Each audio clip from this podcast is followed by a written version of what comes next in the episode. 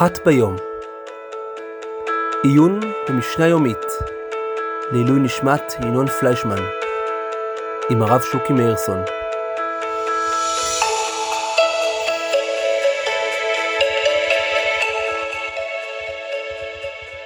שלום רב, אתם מאזינים לפודקאסט אחת ביום, עיון יומי במשנה מבית ישיבת כוח לעילוי נשמת ינון פליישמן. אנחנו נמצאים במסכת פאה, פרק ה', משנה ו'. אומרת המשנה, המוכר צדהו, המוכר מותר והלוקח אסור. לא יזכור אדם את הפועלים על מנת שילקט בנו אחריו, מי שאינו מניח את העניים ללקוט, או שהוא מניח את אחד ואחד לא, או שהוא מסייע את אחד מהן, הרי זה גוזל את העניים, על זה נאמר אל תשג גבול עולים. אז בעצם המשנה אה, גם זאת מתחלקת לשלושה חלקים. החלק הראשון אומר המוכר את שדהו, המוכר מותר והלוקח אסור. אז כן, אז מקרה פשוט שאדם מכר את השדה שלו למישהו אחר, עכשיו הקונה של השדה הוא בעל השדה, ולכן אסור לו לקחת לקט שכחה ופאה כי זה השדה שלו, וכל הקטע של לקט שכחה ופאה שמשאירים את זה לעניים ולא בעל השדה לוקח. והמוכר של השדה, שיכול להיות שהוא קיבל תשלום על השדה אבל הוא עני מאיזושהי סיבה, אולי הוא היה חייב את הכסף הזה למישהו אחר ובעצם אין לו כסף, אז הוא מותר לו לקחת לקט שכחה והפאה מהשדה שהיה השדה שלו.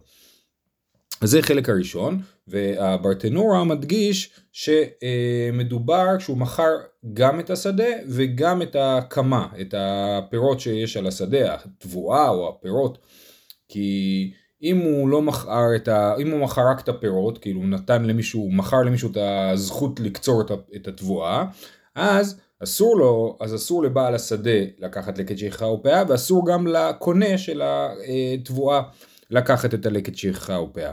אה, ופה מדובר שהוא מכר גם את השדה וגם את הקמות.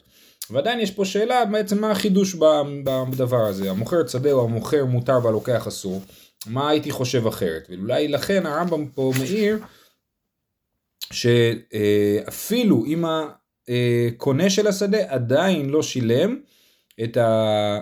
לא שילם על השדה, זאת אומרת הוא קנה את השדה, הוא עשה איזשהו מעשה של בעלות ועכשיו השדה שלו, אבל הוא עדיין לא שילם על השדה, בכל זאת אה, אה, אסור לקונה אה, לאסוף את הפירות של השדה, כי זאת נחשבת לשדה שלו, ולכן אה, אולי זה אה, חידוש במשנה. שלמרות שהוא עדיין לא שילם על השדה, הוא נחשב לקונה והשדה שלו, ולכן אסור לו לאסוף את הפירות. זה היה חלק ראשון. חלק שני, לא יזכור אדם את הפועלים על מנת שילקט בנו אחריו. אז אסור לאדם אה, לעשות הסכם עם הפועל, שלפועל יש זכות להביא את הבן שלו מהבית, שהבן שלו יאסוף את, ה, את הפירות אחריו, זאת אומרת הקוצה, הפועל יקצור את השדה, והבן של הפועל ייקח את כל הלקט שיפול מה, מהקציר. עכשיו זה דבר מעניין, כי באמת מותר לבן אדם שפועל בשדה, להביא את אשתו, את הבן שלו, אם הוא עני, מותר לו להביא את אשתו, את הבן שלו, שילקטו את ה... את ה ילקטו אחריו, את הקציר. אבל פה מה שאסור זה דווקא שה... אה, שהוא להתנות אותו, לא יזכור את אדם את הפועלים על מנת שילקט בנו אחריו. אבל אם זה לא על מנת שילקט בנו אחריו, זה לא חלק מההסכם שלהם, זה מותר. אז מה ההבדל אם זה כן חלק מההסכם שלהם או לא חלק מההסכם? ההבדל הוא שאם זה חלק מההסכם אז אנחנו מניחים שהפועל נתן מחיר טוב לבעל הבית, כי הוא אמר לו, אה, אה, אתה יכול גם להביא את הבן שלך לאסוף את הלקט. זאת אומרת, הפועל אמר, אני מוכן לקבל קצת פחות תשלום, בתנאי שהבן שלי יהיה זה שאוסף את הלקט. ולמה זה בעייתי? זה בעייתי בגלל שפה הבעל הבית פורע את חובו משל עניים. הבעל הבית בעצם זה לא שלו, איך הוא יכול להחליט, הוא יכול להסכים מי יהיה זה שיאסוף את הלקט, זה בכלל לא הלקט, הלקט לא שייך לבעל הבית, והוא פורע את חובו משל עניים, הוא כאילו קיבל הנחה במחיר של הפועל, תמורת זה שהוא הבטיח לפועל משהו שבכלל לא שייך לבעל הבית. אז הבעיה היא, כמו שאמרנו, היא דווקא כשיש ביניהם הסכם על מנת שילקט בנו אחריו, אבל אין בעיה עקרונית שילקט בנו אחריו. אז עוד פעם, זה החלק השני, לא יזכור אדם את הפועלים על מנת שילקט בנו אחריו.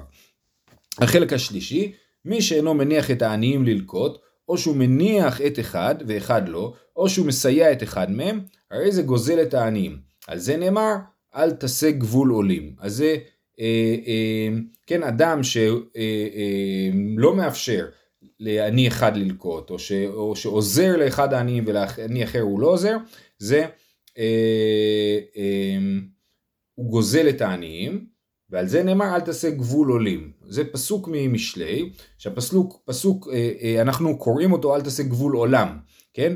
אבל זה מדרש של אה, אל תקרא עולם אלא עולים. זאת אומרת, בעצם התנ"ך נכתב הרי בלי ניקוד, והכל הקריאה של התנ"ך היא מסורת. ואנחנו בעצם קוראים את ה... את, אנחנו קוראים את זה אל תעשה גבול עולם, והמדרש אומר אל תעשה גבול עולם, אלא אל תעשה גבול עולים. מה זה אל תעשה גבול עולים? אז הברטנורה מביא אה, שני פירושים בדבר. פירוש אחד, עולים הכוונה היא לעולי מצרים. יש גבול של עולי מצרים, כאילו, אה, אה, אה, כן, הברטנורה מסביר שלא תשנה האזהרות שבתורה שניתנה ליוצאי מצרים, כן, בתורה כתוב, התורה שניתנה ליוצאי מצרים, שהם העולים, כן, עולים לארץ, אל תעשה, אה, אה, כתוב שם לקט שכחה ופאה, אתה לא תשיג את הגבול הזה, אל תיכנס לגבול שגבלו עולי מצרים בתורה שהם קיבלו. זה הסבר אחד. הסבר שני, שעולים זה לשון סגי נהור, והכוונה היא בעצם ליורדים, כן? אל תעשה גבול עולים, עולים זה עניים, זה ביטוי אה, אה, מכבד כלפי העניים שהם בעצם ירדו מנכסיהם. אז אל תעשה גבול עולים, אז אל תעשה את הגבול של העניים. זה אלה שני הפירושים אה, לדרשה הזאת, כן, שאומרים שה, שמי שעוזר לעני אחד על חשבון עני אחר הוא בעצם משיג אה, גבול עולים. אה, יש פה הערה מאוד יפה של התוספות יום טוב, שאומר בעצם הפסוק אל תעשה גבול עולם, נאמר פעמיים, גם במשלי פרק כ"ב וגם במשלי פרק כ"ג. במשלי פרק כ"ב סוף הפסוק הוא אל תעשה גבול עולם אשר עשו אבותיך. בסוף הפסוק במשלי פרק כ"ג זה אל תעשה גבול עולם ובשדה יתומים אל תבוא. ממילא ברור ששני הפירושים של הברטנורה מתייחסים לשני הפסוקים. הפירוש של אל תעשה גבול עולים הכוונה היא לעולי מצרים זה הסוף של הפסוק זה אל תעשה גבול עולים אשר עשו אבותיך מי הם אבותיך? עולי מצרים כן? ו, אה, אבל הפסוק השני אומר אל תעשה גבול עולים ובשדה יתומים אל תבוא אז ברור ששדה יתומים זה תקבולת לגבול עולים. אז גבול עולים זה העניים, בשדה יתומים אל תבוא. אז שני הפירושים שהברטנור מביא, הבר...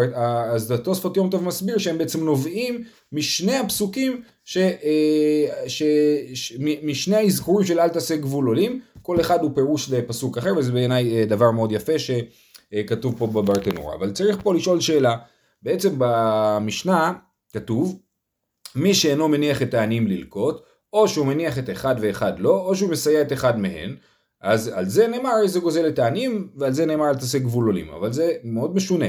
אני מבין שאם הוא מניח אחד ואחד לא, שהוא מסייע את אחד מהן, שזה, הוא כן נתן ופאה, הוא כאילו קיים מה שכתוב בתורה, אבל אז הוא גוזל את העניים. אז הוא עובר על אל תעשה גבול עולים. אבל אם הוא אינו מניח את העניים ללקוט, אז בעצם הוא לא נתן לקט שכחה ופאה. אם הוא לא נתן לקט שכחה או פאה, הוא לא עובר על, על איזשהו פסוק ממשלי אל תעשה גבול עולים, הוא עובר על המצוות עשה, אה, אה, כן, אה, לקט קצירך לא תלקט, אה, לעני ולגר תעזוב אותם, הוא, הוא, הוא, הוא עובר על מצווה מהתורה, למה אנחנו קופצים לפסוק ממשלי, כן? אז לכן יש פה בעיה במשנה. אה, אז אה, יש פה, אפשר להסביר שני דברים, אחד זה שאמרנו שמי שאינו מניח את העניים ללקוט, לא שהוא לא מניח אותם ללקוט בכלל, אלא שהוא עושה דבר שדיברנו עליו בתחילת המסכת, הוא לוקח את הלקט ומחלק אותו בעצמו לעניים.